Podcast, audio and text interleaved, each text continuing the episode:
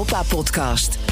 Ahoy, mijn naam is Geert-Jan Haan en naast mij collega Eurocommissaris bij BNR, Stefan de Vries. Hey, hey, ja, je luistert naar de Europa-podcast die wat eerder in de week online staat deze week. We geven je een update bij twee grote onderwerpen, namelijk hoe staat het met het vrij reizen door Europa deze zomer en wat zijn de belangrijkste uitkomsten van de Social Summit in Porto. Waarbij het eerste onderwerp het laatste onderwerp toch wel eh, flink heeft overschaduwd, in ieder geval in media-aandacht. Zeker, en de waan van de dag regeert ook in Brussel. Uh, het was natuurlijk de dag van Europa. Dat 9 ook nog, mei, ja. ook nog. Uh, alle mensen werden broeder. Er waren verkiezingen in het Verenigd Koninkrijk... Uh, waar vanuit Brussel met grote interesse naar uh, werd gekeken. En natuurlijk ook in Spanje vorige week hadden we het ook al over. Dus ja, best een druk weekje. Ja, en we hebben nieuwtjes, Stefan. Uh, nieuws van ons samen. Eén bron is geen bron, dus vonden we allebei een andere bron. Ja. En welk nieuws dat is, dat hoor je straks. Maar eh, naast ons nieuws heb jij nog een bijzonder nieuwtje. Want jij hebt eerder vandaag al met uh, Agnes Jongerius gesproken. Uh, Europarlementariër voor de Sociale Democraten. Ja. En zij kwam met een opvallende onthulling. Nederland heeft sinds afgelopen vrijdag weer een nieuwe premier. Het is Niet een degene hij. die zichzelf heeft heruitgevonden met radicaal nieuwe voorstellen. Nee, een ander. Een ander. Het is een hij. Okay. En hij is van D66-huizen. En ik laat Agnes Jongerius vertellen wat er afgelopen vrijdag in Porto gebeurde. Op vrijdag uh, werd digitaal Wouter Koolmees ingestraald. Uh, uh, overigens wel onder de aankondiging. Uh, en we schakelen nu door naar de premier van Nederland. En toen ah. kwam opeens Wouter Koolmees groot in het beeld. dus toen heb ik hem wel even een tekstberichtje gestuurd en gezegd... je bent één dag weg uit Nederland en opeens hebben we een nieuwe premier. Dat was me nog niet opgevallen. Ja, Mark Rutte en Angela Merkel, dat waren de twee grote afwezigen... bij die top in Porto. Ook de premier van Malta, maar dat was omdat zijn vrouw corona had. Dus die hield zich aan de regels. En Jongerius zegt, Merkel en Rutte die hebben corona gebruikt om te stralen in afwezigheid. Mm -hmm. en, uh, ja, digitaal Mark... kwam Koolmees er op vrijdag dan bij. Ja, Mark Rutte had ook al gezegd dat hij Porto niet nodig had voor, uh, om te praten over sociale rechten. Dus die, ja, dat is duidelijk een, uh, ja, een beetje snobisme, denk ik. Straks het verhaal met Jongerius die Rutte dan ook oproept om het in eigen land dan maar te gaan regelen. Ja, straks meer daarover. Maar nu eerst ranking de vaccins. Vaste prik aan de kop van deze podcast. Het laatste vaccinatienieuws, althans het la laatste vaccinatiestatistieken. Hoe doet Nederland het ten opzichte van de andere Europese landen? En wat is het EU-gemiddelde? Kortom, schiet het allemaal een beetje op, Geert-Jan? Ja, en vorige week zei je, Stefan, iedereen is nu echt op gang aan het komen. De verschillen worden kleiner. Geldt dat dan ook voor deze week? Ja, zeker. Het Europees gemiddelde is vandaag dinsdag uh, 31,7 procent van de volwassenen heeft minimaal één prik gekregen. Nederland ligt daar met 33,3 procent. Heel mooi cijfer, daar hou ik als. Uh, ja. Dus echt een derde van een de volwassen bevolking heeft, heeft één een eerste prik gekregen. Nou, dat is iets boven het Europees gemiddelde. De landen om ons heen doen het ongeveer hetzelfde. 32 procent, uh, Duitsland 34 procent. Het ontloopt elkaar allemaal niet zo heel erg veel. Nederland doet het dan wel weer ietsje slechter met de volledige vaccinatie. Daar gaat het om 9 procent van de volwassenen. Terwijl het Europees gemiddelde op nu al meer dan 12 procent ligt. Hongarije, die doen nog steeds het, allerbeste van de Europeanen. Die hebben al meer dan 50 procent van de volwassenen een prik gegeven. En Bulgarije is nog steeds de herkensluiter met 11,2 procent. Gaat niet echt lekker daar. Um, en ja, uh, dus we doen het allemaal ongeveer even snel. Maar natuurlijk is het wel storend als je de plaatjes ziet. Uh, ook op sociale media, dat in Nederland en ook in andere om ons heen liggende landen de prikstraten vaak leeg blijven. Omdat mensen niet komen opdagen op afspraken. Dus ja, we zitten in het gemiddelde. We nemen de Europa podcast. Uh, we nemen de Europa-podcast deze keer op dinsdagmiddag op. Dus dan hebben we echt heel actuele Nederlandse prikcijfers, denk ik, Stefan. Ja, niet, niet echt. Uh, want de andere landen die rapporteren per dag. Dus uh, hooguit halen we nu een beetje de schade Ah. in. Maar uh, de, de cijfers die, die ik net noemde, dat zijn inderdaad die met de nieuwe cijfers van, van Nederland. Dus ja, ongeveer overal in Europa. Nu zitten we op een derde. En ja, Ursula von der Leyen heeft gezegd dat in juli, 1 juli misschien, of ja, Hugo de Jonge zei in juli, 70% van de volwassen bevolking in Europa geprikt moet zijn. Dus dat betekent dat er nog 40% te gaan is in ongeveer zes weken. Wordt het uh, niet tijd dat we binnenkort ook op een heel andere manier in onze podcast gaan ranken? Dus naast ranking de vaccins, ook ranking de museums, de terraces, de hugs. Ja. Ik bedoel, in het Verenigd Koninkrijk en Engeland, daar gaan ze weer knuffelen. It will be the case that we will see people capable of, uh, of, of meeting indoors. And without prejudice to a broader review of social distancing, it is also the case that um, friendly contact, intimate contact between friends and family is something that we want to see restored. The 17th of May or thereabouts, hugging, is, as we call it. Ja. Dus wat vind je daarvan? Wat, wat, wat op dit moment staat Europa eh, legaal gezien op nul knuffels. Of nou ja, het is een dringend advies om niet te knuffelen. Ja, nou, ik associeer de Britten en knuffelen niet echt met elkaar. Dat zie ik meer in het zuiden gebeuren natuurlijk. En ja, in principe hou ik ook niet van knuffelen. Maar als ik gevaccineerd ben, dan zal ik het met nog meer liefde dan voorheen nog steeds niet doen. Nou, mag ik dan eh, tot slot nog even de leukste journalistieke zin van de week op vaccingebied bij jou inbrengen? Een van de tofste locaties van Europa waar je kunt laten vaccineren is het Bran-kasteel in Roemenië, in Transylvanië. Oftewel het kasteel van Dracula. Wauw. Ik ben er een paar jaar terug geweest. Het is een eh, heerlijke toeristische trekpleister. Ja. Maar tegelijkertijd toch ook wel gaaf. Ja. Eh, je kunt je er ook in het donker laten vaccineren. en AP... In je nek ook? Dat je twee, twee tandjes voelt in je nek? Ik hoop het niet. Maar eh, de eh, Associated Press schreef over deze priklocatie. Ik kwam dus met de volgende startzin. At Dracula's castle in picturesque uh, Transylvania, Romanian doctors are offering a jab in the arm rather than a stake through the heart. Wauw. En de marketingmanager van dit kasteel liet ook nog weten dat naast een diploma, een certificaat, eh, volgens jou het zwemdiploma dat je dan krijgt, dat bezoekers ook nog eh, gratis eh eh, entree dus hebben ehm, in het kasteel, want dan laten ze zich prikken. En ook toegang krijgen tot de 52 middeleeuwse martelkamers. Nou, dat, dat- ik zou zeggen, boek een ticket naar Roemenië. Wat wil je nog meer? Ja. Eurocommissarissen Haan en de Vries houden de Brusselse zaken scherp in de gaten. Tijd voor de Europese week. Stefan, wat gebeurde er nog meer? De Russische staatsvijand Godorkovsky die sprak een uur lang tot het Europees Parlement. Eh, Noord-Macedonië werd geschoffeerd door een eurocommissaris. De Europese Commissie eh, bestelde 1,8 miljard vaccins bij Pfizer. Sloeg de deur naar AstraZeneca dicht. De prins van Liechtenstein die schoot naar verluidt de grootste beer van Roemenië kapot. Van Europa, volgens mij. Van Europa Ja. zelfs. Ja, laat Prins Charles het niet horen. En Nederland kreeg eens een keer geen naheffing vanuit Brussel, maar ruim 100 miljoen euro, waarschijnlijk binnenkort teruggestort op de rekening met hartelijke groeten van de EU-begroting. Ja, foutje van de bank in uw voordeel. Eh, minder reizen en fysiek vergaderen. Dat bleek voor Brussel een besparing afgelopen jaar van 121 miljoen euro. En er waren er ook nog eens meer geplande inkomsten uit invoerrechten en boetes.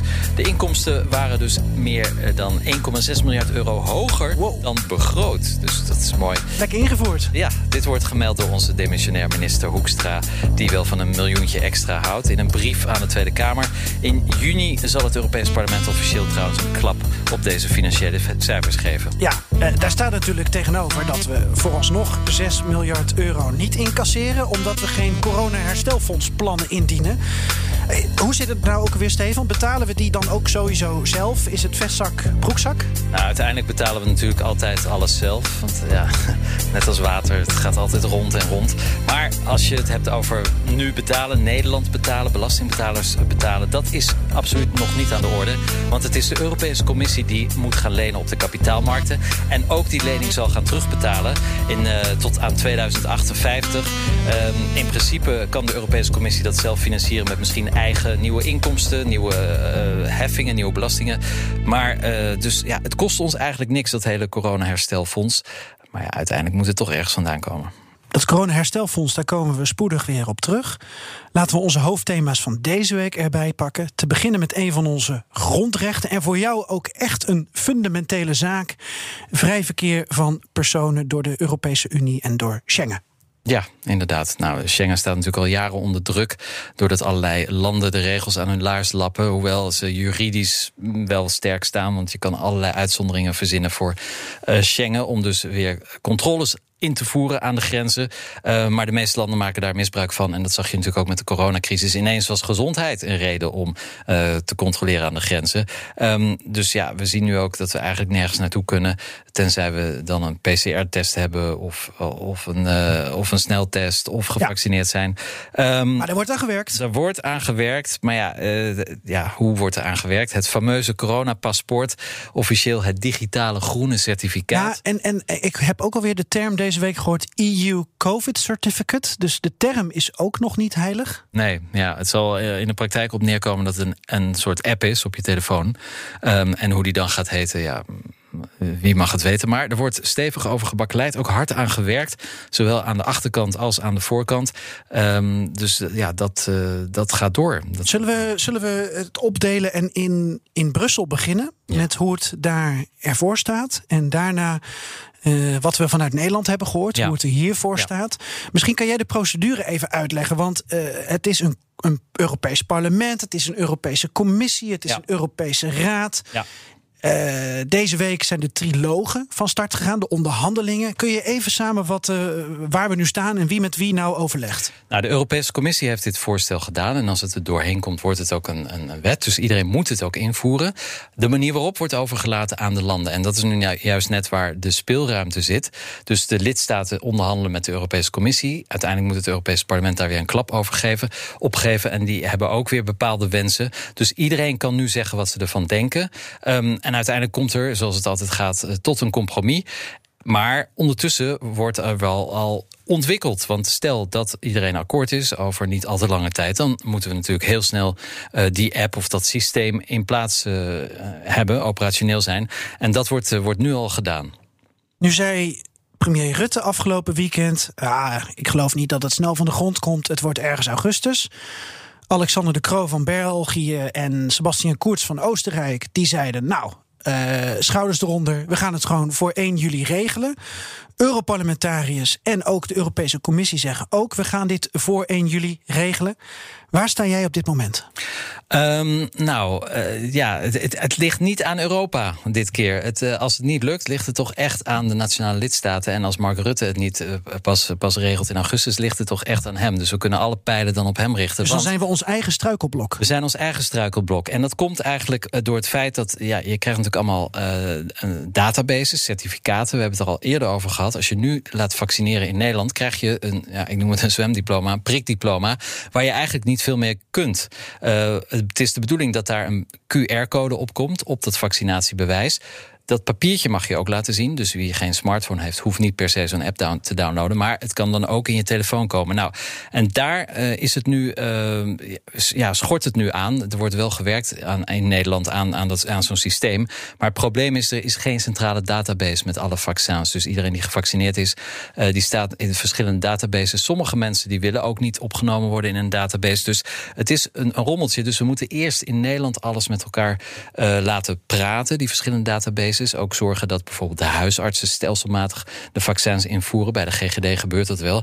Um, dus ja, dat is een groot probleem. Deze week is er een uh, pilot gestart um, met uh, 18 landen van de EU. 18 landen plus IS. Plus, plus IJsland, IS inderdaad. Um, Reizen naar vrije islamitische staat. Precies, nee, IJsland. Die doen mee aan een test. En dat is een technische test. Nederland doet dat vandaag op dinsdag. Um, en dat wil nog niet zeggen dat, dat, dat, dat die app al klaar is of dat systeem. Maar waar het nu om gaat is dat Den Haag gaat proberen om hun systemen te laten laten praten met het systeem in uh, Brussel. Dat noemen ze dan het, het Europese platform. Um, dus de digitale sleutels worden dan uitgewisseld. Als dat goed gaat, dan komt er eind deze maand een tweede fase voor Nederland. En dat is dan de productietest. En daarin wordt het al veel echter. En ja, in principe, als deze testfase succesvol wordt afgerond, dan kunnen we live. En dat betekent dus dat in theorie kan het dus inderdaad op 1 juni actief zijn. De Europese Commissie streeft daar ook naar, of in ieder geval half juni. Dat willen natuurlijk ook de landen in het zuiden, want die staan te springen om toeristen. Um, dus uh, het, het kan, het kan wel. Maar ja, ja uh, er moet nog wel heel veel water door de Rijn stromen voordat we inderdaad met dit digitale groene certificaat op reis kunnen. Ja, want dan komen we aan bij ons nieuws en uh, de informatie die we hierover hebben opgevraagd en bevestigd gekregen van het ministerie van VW Hè, uh, de corona-check-app. Ja. Dat is waar we het over hebben. Uh, dat is dus wat anders dan het Digital Green Certificate. Dus dat is echt een, een, een Brussels initiatief waar met lidstaten over allerlei zaken overeenstemming moet worden bereikt. En de corona-check-app, dat is dan als het ware een, een ander instrument waar het mee mogelijk moet worden gemaakt. Ja, precies. Dat is zeg maar het vehikel waarin we die Europese, dat digitale groene certificaat in gaan laden, als het ware. Nou, dat is ook die app die nu al wordt gebruikt om gewaarschuwd te worden als je langer dan 15 minuten in de buurt bent geweest met iemand. Ja, en die, en die, die moet dan zo worden aangepast. En dat wordt onder andere getest, dus vandaag. Ja. Dat eh, als een ander land aan de grens eh, die gegevens uitleest, dat die dus in dat land ook goed worden uitgelezen en, en duidelijk.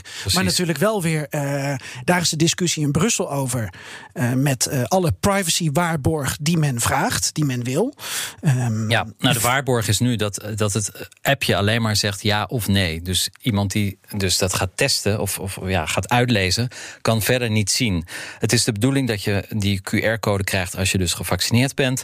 Als je al corona hebt gehad, dus als je een eh, test hebt gedaan voor antistoffen. Ja. Of als je net een PCR-test hebt, hebt gedaan. De Europese Commissie zegt dat dit moet om mensen niet te discrimineren. Dus mensen die niet willen vaccineren, kunnen dan toch reizen. Maar ja, eigenlijk bouw je toch wel een extra laag in, want je moet dan sowieso een PCR-test doen. Dus het vrij reizen is eigenlijk hiermee van de baan. Schengen is nog steeds niet, eh, is wel eh, van de beademing dan af, maar zit toch nog wel in de lappenmand. Ja, absoluut. Want kijk, je, eh, het- idee van Schengen is dat je zonder controles en zonder paspoort overal kunt reizen in de Schengenzone. Maar als je deze app hebt, dan moet je toch gaan controleren. En ja, waar ga je dan controleren?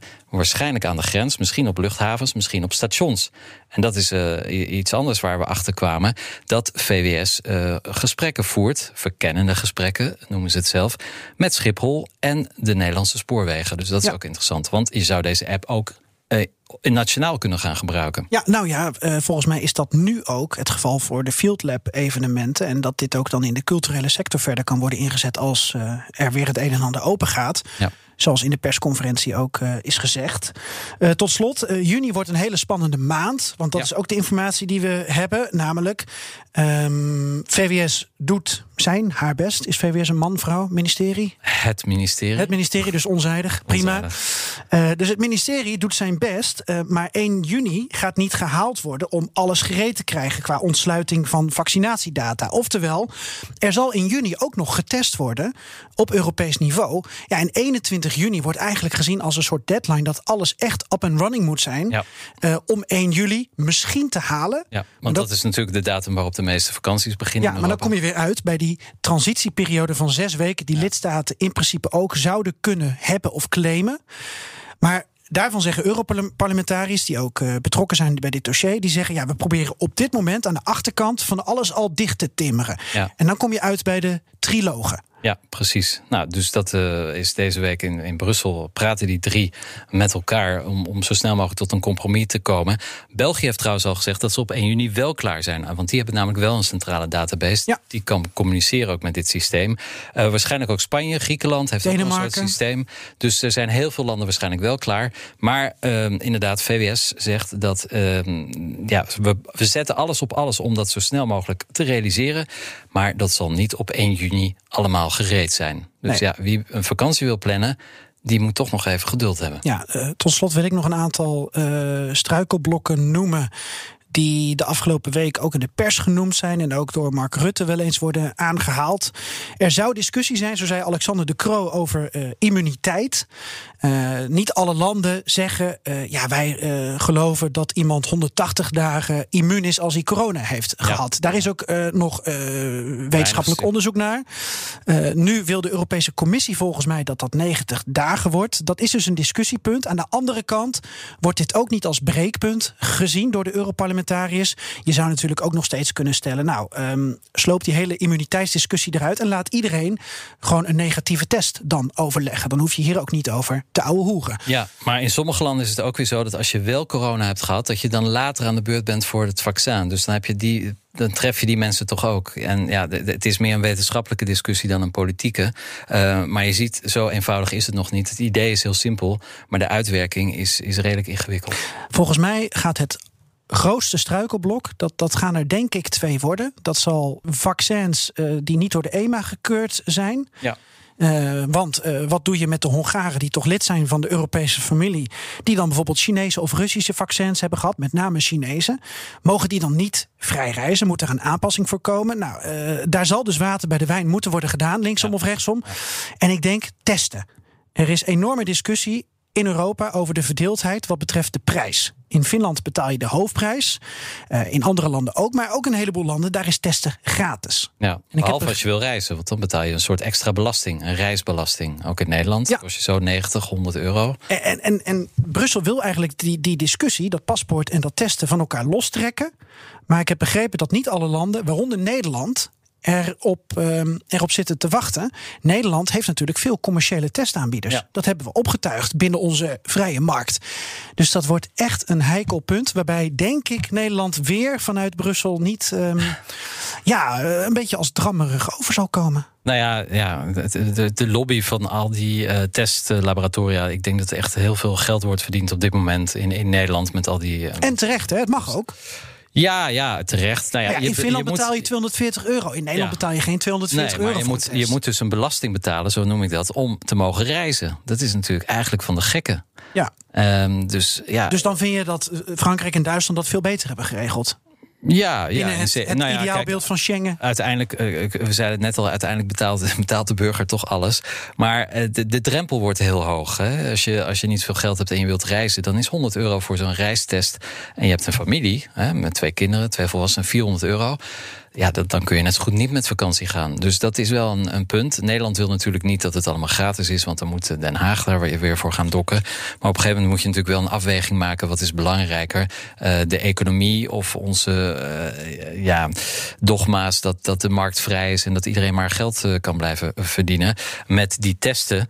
Ehm, en hoe lang nog? Hè? Want dat is natuurlijk ook de vraag. Straks hebben we dat paspoort. En in principe, als straks eh, 70% is ingeënt, dan zou je kunnen zeggen: dan heb je dat allemaal niet meer nodig.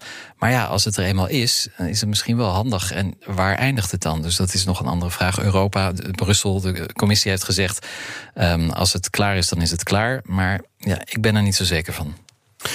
Straks gaan we het hebben over de Social Summit in Porto. Het is wel bijzonder dat je in een zaal zit waar, eh, laten we zeggen, vakbondsmensen eh, en eh, Mario Draghi, eh, Steven Leuven, eh, Mette Frederiksen, Viktor Orban eh, met elkaar spreken over wat is nou eigenlijk de sociale agenda.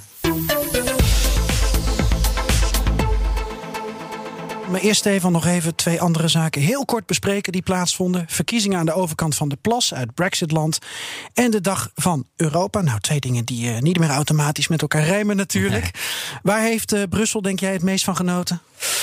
Ja, genoten weet ik niet. Maar in ieder geval, eh, kijk, eh, die verkiezingen in Groot-Brittannië, regionale verkiezingen en sommige eh, tussentijdse verkiezingen, daar is wel duidelijk dat Labour helemaal niet meer meedoet. Eh, die is net als in veel andere landen eh, waar de sociaaldemocratie het eigenlijk ook niet heeft overleefd, ook eh, van de kaart geveegd. Ehm, een, een, een ruk naar rechts zou je het ook kunnen noemen, maar vooral ook een goede score van de SNP, de Schotse Nationalistische Partij. Eh, die deed het niet zo goed als in de peiling, maar toch eh kreeg ze een paar zetels bij geen meerderheid voor een uh, nieuw referendum over het onafhankelijk uh, Schotland. Maar wel een coalitie, of in ieder geval een samenwerking met de Groenen. Die zijn ook voor een nieuw referendum. Boris Johnson is tegen een referendum. Um, Nicola Sturgeon, die, de premier van Schotland, heeft gezegd: Nou ja, we, we, we willen een referendum, maar. Uh, ze mist één zetel, toch? Voor, voor een ja, absolute meerderheid precies, om het echt. Maar doordat ze de steun heeft van de Groenen, kan, komt, dit, komt dat referendum er, wat haar betreft, dus toch. Maar ze is niet op oorlogspad met Londen. Ze wil het toch in goed overleg doen. Om te vermijden ook dat we bijvoorbeeld een situatie krijgen zoals in Catalonië, waar het referendum illegaal was verklaard door de, de nationale hoofdstad, door Madrid. Waardoor dat referendum eigenlijk niet was. Ook al hebben uh, de Catalanen toen in meerderheid gestemd voor onafhankelijkheid. Nou, daar kijkt Brussel en ik denk ook andere Europese landen natuurlijk met veel interesse nou, naar. Je weet wie de buitenlandschef is, hè? Van, van de EU. Ja, Borrell. Ja. ja. En als er iemand tegen uh, separatistische stromingen is. Precies, dat is ook nog een punt. Als Schotland ooit onafhankelijk zal worden, dan een aanvraag zou doen. Uh, waarschijnlijk stemt Spanje dan tegen. Maar het is natuurlijk een hele interessante case dat een land dat ooit lid was van de Europese Unie. Uh, onafhankelijk wordt en dan weer lid wil worden. Dus hoe gaan we dat doen? Gaan we ze toelaten met een soort van versnelde procedure? Want er zijn al heel veel wetten natuurlijk in Schotland die beantwoorden aan de Europese regelgeving. Um, dan is er ook nog de vraag van de, de euro. In principe moeten alle Europese lidstaten de euro invoeren, met uitzondering van Denemarken. Dat is het enige land dat een uh, opt-out heeft gekregen. Dus ook Schotland. Nou, zijn de Schotten bereid om hun pond te laten varen? Uh, allerlei vragen, hele interessante hypotheses. Maar volgens nog, uh, ja, over twee jaar mogelijk een nieuw referendum in, uh, in Schotland over de onafhankelijkheid. Oké, okay, dus de soep wordt nog niet zo heet uh, gegeten als hij. Uh, nee, die kan nog even haggis? Ja, is dat, heet dat zo? Ja, ja zeker. Ja. Schapenmaag. Ach, heerlijk.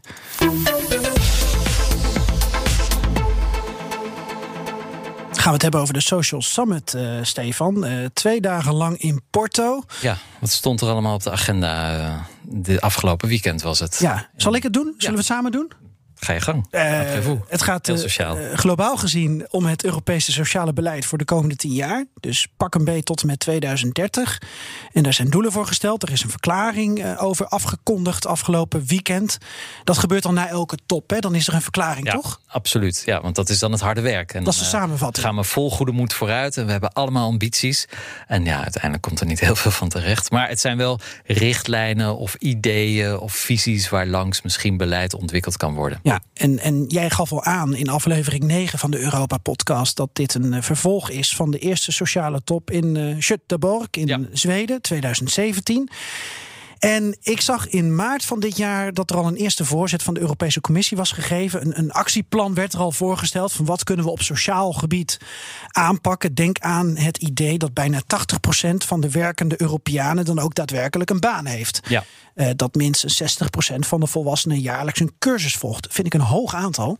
Ja. Uh, hoog percentage. En er is ook gesproken over minder armoede onder mensen en kinderen. En dan is geloof ik het doel dat er 15 miljoen Europeanen uh, niet meer onder de armoedegrens leven. En dat zou dan voor 5 miljoen kinderen gelden. En dat moet dan de komende 10 jaar worden, worden geregeld.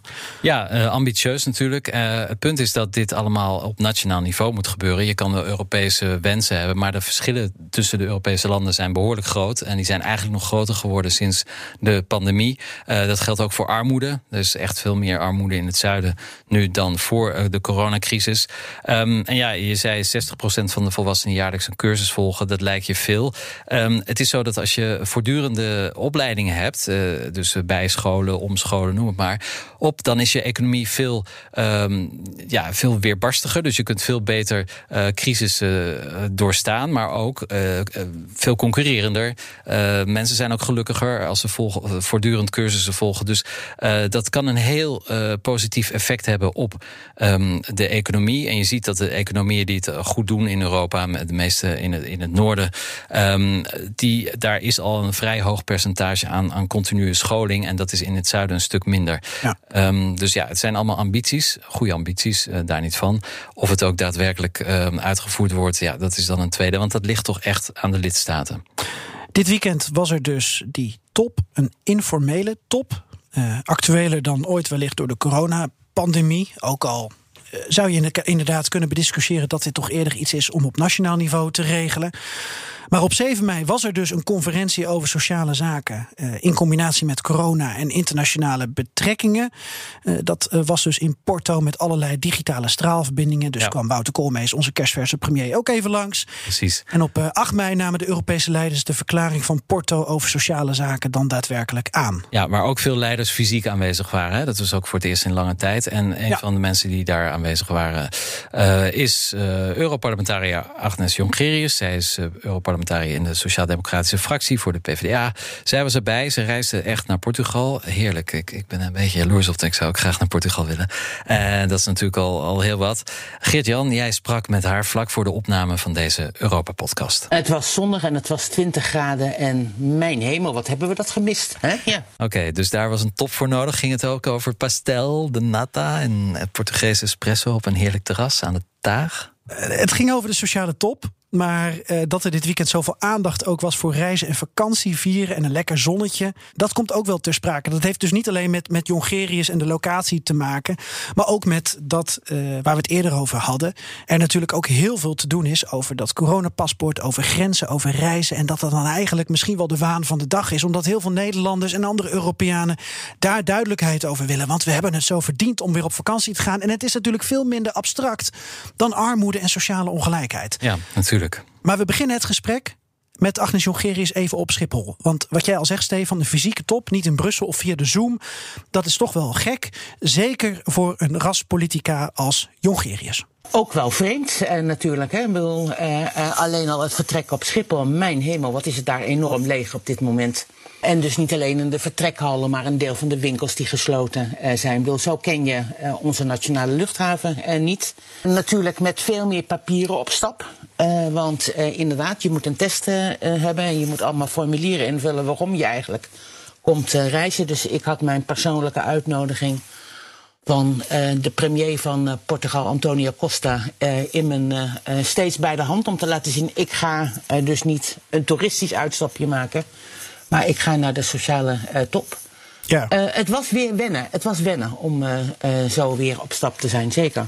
Lijkt me ook wel vreemd dat u dan een uitnodiging van de premier van Portugal eh, moet laten zien aan iedereen. Dat, nemen ze dat serieus? Ja, zeker. Ja, dat nemen ze zeker serieus. Ja. Ehm, eh, zowel eh, hier bij het vertrek. want en natuurlijk moet de luchthaven controleren of je het recht hebt om op pad te gaan. En of je inderdaad over een negatieve COVID-test beschikt. Maar ook bij aankomst. Er zijn natuurlijk ook in Portugal nog steeds hele strikte reisregels. Eh, en dan helpt het inderdaad als je een document hebt met een persoonlijke handtekening van de premier eronder. Zeg, u bent Europarlementariër voor de Sociaaldemocraten, PvdA in Nederland. U was uitgenodigd om daar naartoe te gaan en u bent daar geweest. Een sociale top, een top die we eh, eens in de zoveel jaar hebben, is, eh, is afgesproken een tijdje terug. Bent u tevreden over hoe de top is verlopen? Zeker wel. Omdat inderdaad de vorige top was vier jaar geleden in Gothenburg. En toen is er eigenlijk, je kan misschien ook wel zeggen als een soort reactie op eh, mensen die zich in de steek gelaten voelden door de Europese Unie. Een heel eh, sterk tot uitdrukking gebracht eh, bij eh, de uitkomst van het Brexit-referendum. Je kan zeggen, de Europese leiders hebben het de eh, hard way moeten leren eh, dat ze mensen serieus moesten nemen. Vier jaar geleden in Gothenburg heeft men eigenlijk een poging gedaan om in een document de Europese droom te beschrijven. Dus eh, in Europa heb je recht op eh, goed onderwijs voor je kinderen. Je hebt recht op een dak boven je hoofd. Je hebt recht op een goed betalende baan, een minimuminkomen. Ehm, eh, eigenlijk een heel mooi klein boekje met de sociale rechten voor Europese burgers. Alleen eh, u en ik eh, en alle andere Europese burgers kunnen niet met dat boekje naar de bakker eh, of naar de supermarkt en zeggen: Kijk, ik heb deze rechten, mag ik even afrekenen? Dus het ging nu over de vraag: en hoe maken wij die sociale rechten nu ook echt iets waar mensen inderdaad overal in Europa van kunnen profiteren? En vier jaar geleden, voor de COVID-crisis, in de COVID-crisis hebben we eigenlijk toch nog veel meer gezien hoezeer eigenlijk de bestaande problemen eh, aan de oppervlakte eh, kwamen. Want, nou ja, noem maar eens iets. Mensen die hard werken en toch niet voldoende verdienen eh, om daar fatsoenlijk van rond te kunnen komen. Werkende armen bestonden er natuurlijk voor de COVID-crisis al. Maar in de COVID-pandemie hebben we allemaal gezien dat dat misschien eigenlijk ook juist wel de mensen zijn eh, die de samenleving draaiende houden. Het zijn de mensen die de supermarkten bevoorraden. Het zijn onze pakketbezorgers. Het zijn de mensen die de, de eh, ziekenhuizen schoonmaken. Het zijn een deel van het, van het eh, zorgpersoneel. Ja. En dus eigenlijk kan je zeggen, de problemen waren er al in Europa. Maar de COVID-crisis heeft die problemen nog veel nadrukkelijker naar het licht gebracht. En premier Costa heeft gezegd, dan is het dus nu de tijd eh, om nog eens met iedereen bij elkaar te komen en over die sociale problemen te praten en tot afspraken te komen. U loopt al lang mee in de politiek, ook in de Europese politiek. En als u dan zo'n top als deze meemaakt, hoe zien die twee dagen voor u er dan uit? Hoe, hoe beslist u eh, waar u aan deelneemt, waar u over praat? Eh, en, en, en het is natuurlijk ook door die eh, coronacrisis waar u aan refereert, is het toch ook wel weer met een nieuwe lading dan voorheen. Zeker, het, het, het is inderdaad met een, eh, een nieuwe lading. Eh, nou ja, het, het is bijzonder. Je moet je voorstellen, het waren eigenlijk twee verschillende toppen. Er was op vrijdag een top waarbij ook werkgevers en werknemersorganisaties uitgenodigd waren. Eh, waar eh, een aantal NGO's, zoals bijvoorbeeld UNICEF, die zich heel druk maakte over de armoede onder kinderen, aan tafel eh, zaten. En alle premiers van Europa waren daar ook.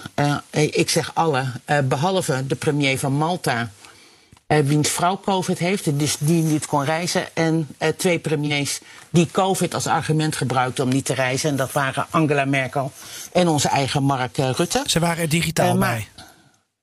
Ehm, eh, zij waren er ook niet digitaal bij, niet op die vrijdag. Eh, eh, op vrijdag werd digitaal Wouter Koolmees ingestraald. Uh, overigens wel onder de aankondiging.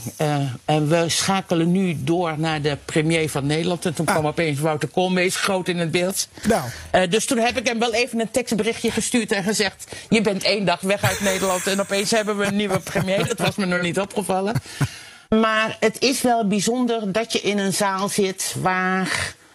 laten we zeggen vakbondsmensen uh, en uh, Mario Draghi, Steven Leuven, Mette Frederiksen, Victor Orban met elkaar spreken over wat is nou eigenlijk de sociale agenda. En waar nou ja, eigenlijk vrij veel tijd voor genomen werd om het probleem in beeld te brengen. ik noemde net al werkende armen in, in Europa. Ja. het feit dat we te weinig banen hebben en dat we dus meer en nieuwe banen nodig hebben. Um, maar ook überhaupt de groeiende armoede uh, in, uh, in Europa. Ik bedoel, deel van de Europese droom was toch. Als we er nou voor zorgen dat de koek groter wordt, dan krijgt iedereen vanzelf een stukje meer van de koek te eten. Mm -hmm. blijkt helaas niet het geval te zijn. Dus armoede is toegenomen en niet alleen onder kinderen, maar breder.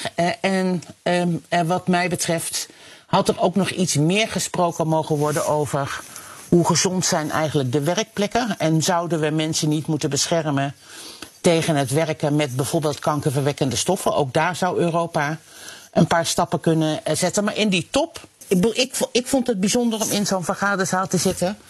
Met al die premiers en de vakbondsmensen en de werkgevers en de sociale NGO's. En dan mocht ik daar de stem van het Europese parlement vertegenwoordigen. En allemaal diep de, de hele sociale kwestie in.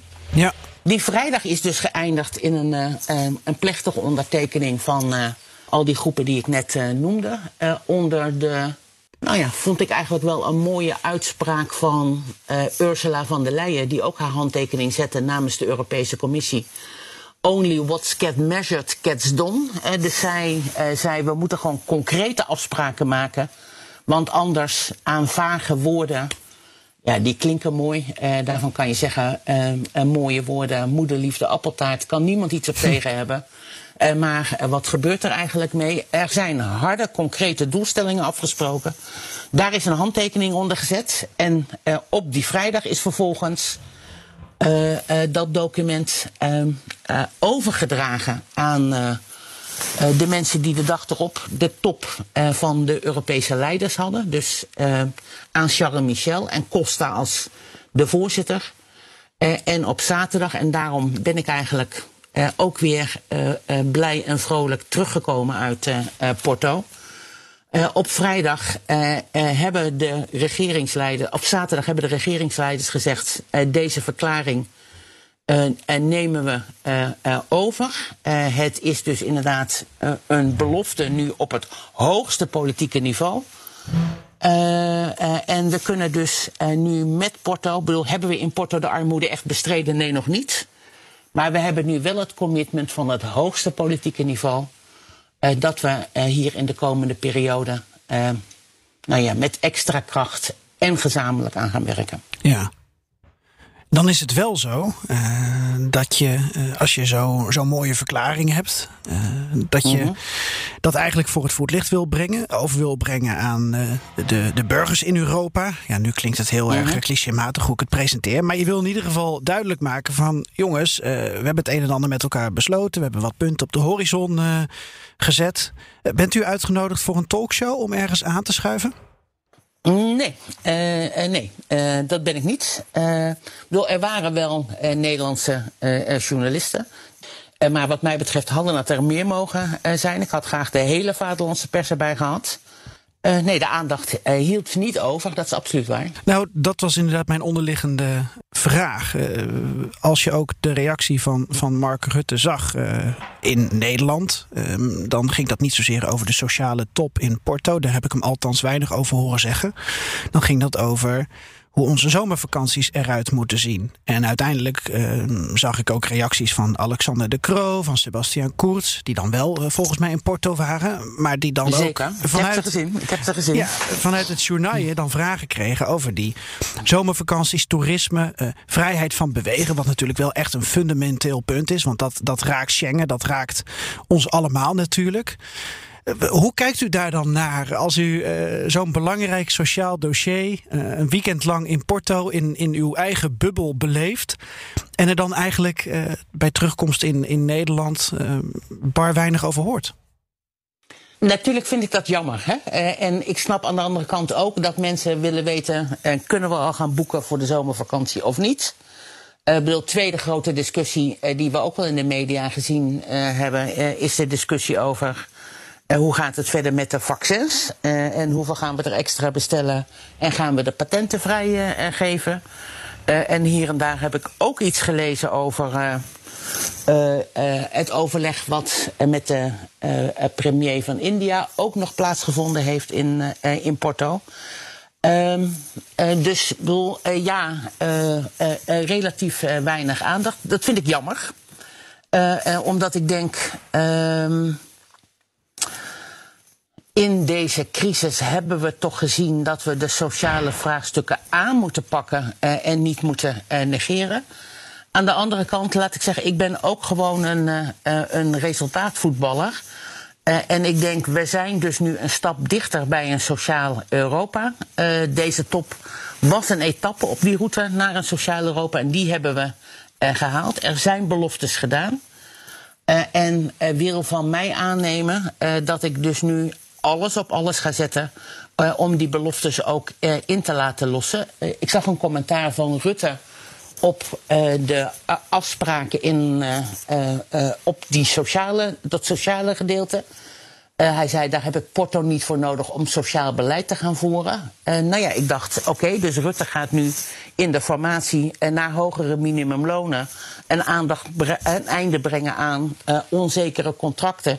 Die gaat geld beschikbaar stellen voor armoedebestrijding en meer verscholing. Wel, mij maakt het niet uit ehm, eh, eh, of hij dat doet omdat we dat in Porto afgesproken hebben, of geheel en al uit zichzelf. Ik, ik constateer dat hij de afgelopen tien jaar het niet gedaan heeft. Maar als hij nu eh, zegt, zonder de aansporing van de beloftes uit eh, eh, Porto, dat toch te gaan doen, dan denk ik dat er toch mensen verder worst zal wezen. Ik vind het ook een beetje flauw natuurlijk. Hè. Ik heb het niet nodig, want ik doe het zelf wel. Nou ja, ik zou zeggen, eh, doe het zelf dan maar. Ik ga hem ook houden aan het inlossen van die beloftes. Ja. U, u reageerde vrij venijnig op ehm, de afwezigheid van Rutte en Merkel eh, in Porto, fysiek. En dan eh, vrijdag eh, werd Rutte in ieder geval vervangen door onze huidige premier eh, Wouter Koolmees, blijkbaar. Eh, althans, de pre- premier voor Ja. één dag. Ja. Eh, Ja. waarom, waarom zegt u dat met die ondertoon? U, u vindt dat ze gewoon hadden moeten komen? Zeker. Eh, ik, bedoel, ik snap van de premier van Malta, als je vrouw eh, corona heeft, eh, dan eh, zeggen alle reisadviezen: blijf thuis, ga in quarantaine. en ga gewoon überhaupt de deur niet uit. Maar dat argument was er nog voor Merkel nog voor Rutte. Eh, ik ik, denk, ik, ik zie het als een bewuste poging om de top een beetje minder belangrijk te, te maken. Het is onbeleefd eh, naar eh, de Portugezen die uitgenodigd eh, hebben. En het is een poging om te doen alsof sociaal beleid niet belangrijk is. Ehm, nou, ik zou denken, think again. Het is echt enorm belangrijk. En er is gelukkig zijn er wel toezeggingen gedaan. En dan, nou ja, dan hoor jij inderdaad terecht dat ik mij daar venijnig over uitspreek. Maar ik hoop ook dat je hoort eh, dat eh, ik met deze voortgang die er wel gemaakt is, ondanks het feit dat zij het geprobeerd hebben kleiner te maken, om met die beloftes, die afspraken toch door te gaan. En te gaan duwen voor betere banen, voor armoedebestrijding eh, en een beter opgeleide beroepsbevolking. Ja, tot slot, u bent de, de roerganger van een eh, Europees minimumloon. U heeft een voorstel eh, daar vorige maand over gepresenteerd in Brussel. Is daar nog over gesproken? Hoe staat het daarmee? Want dat is natuurlijk nog niet helemaal in kannen en kruiken. Nee, dat is zeker nog niet in kannen van kruiken. Wij hebben een eerste voorstel als, dat heet dan Europees als rapporteurs, op tafel gelegd. Uh, uh, vandaag sluit de deadline voor amendementen van mijn collega's uit het Europese parlement. Dus er zullen ondersteunende reacties, er zullen ook afkeurende reacties op komen. En dan gaan we daar straks proberen weer met z'n allen chocola van te uh, maken. En hebben we een standpunt van het Europees Parlement. Uh, tegelijkertijd moeten ook de ministers van Sociale Zaken tot een standpunt komen. Want ja, zo werkt het in de Europese politiek. De Europese Raad bereidt een standpunt voor, het Europese Parlement bereidt een standpunt voor. En dan moeten we gezamenlijk uitonderhandelen wat het eindresultaat zal zijn. Uh, ja, het is een uh, dossier wat veel controverses oproept uh, in, in Europa. dus ook de Portugese voorzitter is op dit moment heel druk om te kijken of er een gezamenlijke lijn te ontwikkelen is door alle ministers van, van Sociale Zaken. En ook daar is het natuurlijk interessant dat in Nederland eigenlijk alle politieke partijen een verhoging van het minimumloon in hun verkiezingsprogramma hadden zitten. Nou ja, bij het CDA hebben ze die halverwege door Hoekstra er weer uit laten halen. Maar ook de Nederlandse werkgevers zijn voor een verhoging van het minimumloon. Het, het, kost nog wel wat werk. En we hebben het erover gesproken welke nou ja, compromissen er denkbaar zouden zijn. Maar eerlijk gezegd verwacht ik dat ik daar nog wel twee, drie maanden mee bezig ben. Oké. Voor de zomervakantie is het klaar. Alles is klaar voor de zomervakantie. Daar moeten we op mikken, ja, mevrouw Jogerius. Ja, dat vind ik ook. Dat zou toch mooi zijn, niet? het was echt mooi in, uh, in Porto. Dat, uh, uh, het is een mooi vakantieland ook. Ja, nou, bij deze het pleidooi voor, voor Portugal. Wanneer wordt dit weer opnieuw geëvalueerd? Dus alles wat er is afgesproken, alle punten op de horizon die zijn gezet... is al een afspraak gemaakt voor een volgende top? Nee, en, en nog niet. Er waren mensen die het pleidooi hadden om deze top nu elk jaar te gaan herhalen. Maar volgens mij hebben we daar nog geen conclusie over getrokken. Oké, okay, nou ook daar hopen we voor de zomervakantie dan uitsluitsel over te krijgen. Uh, Europarlementariër Agnes Jongerius, hartelijk dank voor uw tijd. En uh, geniet ja. nog even na van de Portugese koffie. Ja, zeker. Dankjewel. Oké, okay, tot ziens. Wat staat er op de agenda? Ja. ja. Tijd voor een blik op de agenda, Stefan. Wat wil jij onder de aandacht brengen? Nou, de Brusselse agenda van volgende week, dus de week na hemelvaart, is ja, nog niet bekend. Uh, het loopt ook zo langzamerhand tegen de zomer. Uh, we weten wel dat er een aantal debatten en stemmingen uh, zal zijn tussen 17 en 20 mei over bijvoorbeeld het Just Transition Fund. Dat moet je even uitleggen. Ja, ook weer zo'n mooie term. Het JTF maakt onderdeel uit van het Just Transition Mechanism binnen de Europese Green Deal. Sorry voor al dit lelijke Een plan van Eurocommissaris Frans Timmermans. Dit mechanisme biedt steun aan regio's die economisch relatief sterk afhankelijk zijn van inkomsten en werkgelegenheid van fossiele brandstoffen. En dit JTF moet op voorstel van de Europese Commissie miljarden euro's aan nieuwe financiële middelen ontvangen.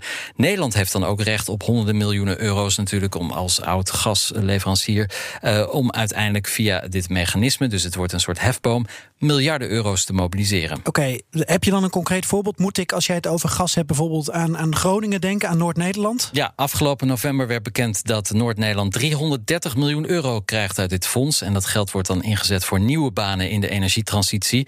Uh, overigens interessant, Groningen staat op het punt om de allerrijkste regio in Europa te worden. Oh. Uh, ja, dat is een ranglijstje dat ik van de week zag. Uh, dus ik vraag me af waar ze dat geld voor nodig hebben.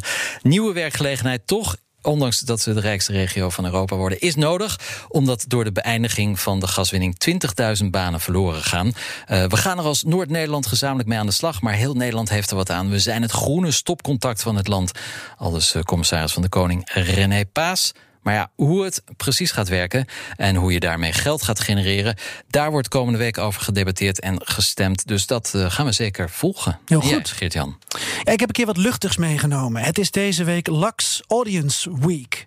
Sinds 2007 geeft het Europees Parlement namelijk een filmprijs uit. Ja, het zijn vaak hele goede films die die prijzen winnen, valt me op. Nou, en deze week zijn in Brussel gesprekken met de regisseurs van een aantal films. Uh, komende vrijdag is dat. Kun je via, via de webinar ook meekijken. En op 23 mei is er een uitslag. Je kunt stemmen via uh, www.luxaward.eu. En wat leuk is, is dat je via deze website de drie genomineerde films ook gratis kunt bekijken deze week. Tot en met 16 mei. Ja, welke films gaat het? het gaat om Another Round van de Deense regisseur Thomas Winterberg. Hij heeft een Oscar gekregen. Het is een Deens, Noors, Zweeds en een beetje Nederlandse productie. Kort door de bocht een film over wat alcohol met ons brein doet. In beeld komen vier middelbare schoolleraren die daarmee experimenteren. En twee films uh, van de oostkant van de Elbe. Corpus Christi uit Polen van de uh, befaamde regisseur Jan Komasa.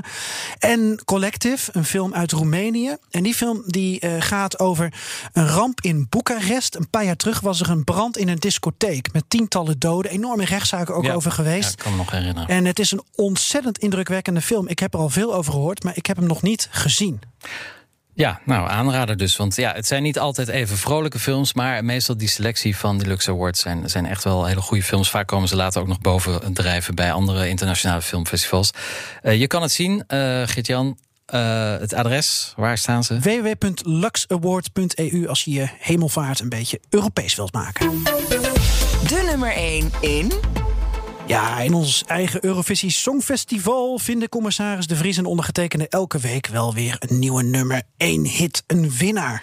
Ja, en na uh, Zweden, Spanje, Griekenland, uh, Italië, België gaan we weer noordwaarts. Uh, we zijn aanbeland ja, in de hofleveranciers eigenlijk van het Eurovisie gebeuren. De Euro, Europop, Eurotrash. Zweden, wederom. Hero. Lekker tokkelen. Tokken, ja, zo heet het ook. Tokken oh. van de rapgroep Hof 1. Oh, nee, rap? Zweedse, Zweedse hub-hub. Tokken är heavy men den attract den är heavier Stryker som mitt liv, du kan chocka dem en serie Ferraris and Lamborghinis, believe me Prada and Macamiri, you feel me? Inte på någon uh, ja. Nou, hierbij uh, benoem ik ABBA tot betere Zweedse muziek dan uh, deze hub-hub. Ja, dat is heel diplomatiek. ik heb na, na Eurorap van de afgelopen weken... ik heb nu ook zo'n gruwelijke hekel aan, aan Euro-hub-hub. Nou ja, ik, heb, uh, ik kijk dus eigenlijk alle, alle, elke week al die lid, lidlijsten na... om te kijken wat er dan op één staat. En, en meestal is dan de helft van de landen heeft een Amerikaans liedje. En de andere helft heeft allemaal een lokaal nummer. En het is bijna allemaal dit soort Euro-rap. Ik, ik vind het heel fascinerend dat het dus kennelijk toch... is de nummer één beperkt tot de nationale grenzen... maar het is hetzelfde genre. Uh, fascinerend. Nou, ja. Tot jij, zover. Nou, tot zover. tot zover. Ik wou nog zeggen, ja. jij, jij, bent toch ook een playlist op Spotify aan het samenstellen? Precies, dat vergat ik eigenlijk helemaal te zeggen. We hebben de playlist met al deze nummer 1's... waarin je al die fantastische Euro-rap en andere bagger kunt terugluisteren. je moet even zoeken op Spotify BNR Europa Podcast Muziek. En dan uh, vind je onze lijst. Dus Dit die... valt onder muziek. Nou ja, goed. Geen commentaar. Maar in ieder geval, wie het muziek vindt, die kan deze uh, playlist nu gaan volgen op Spotify. Um, tot zover de Europa Podcast. Dank voor het luisteren. En wil je reageren? Ons mailadres is dewereld.bnr.nl. Tot de volgende keer. À la prochaine.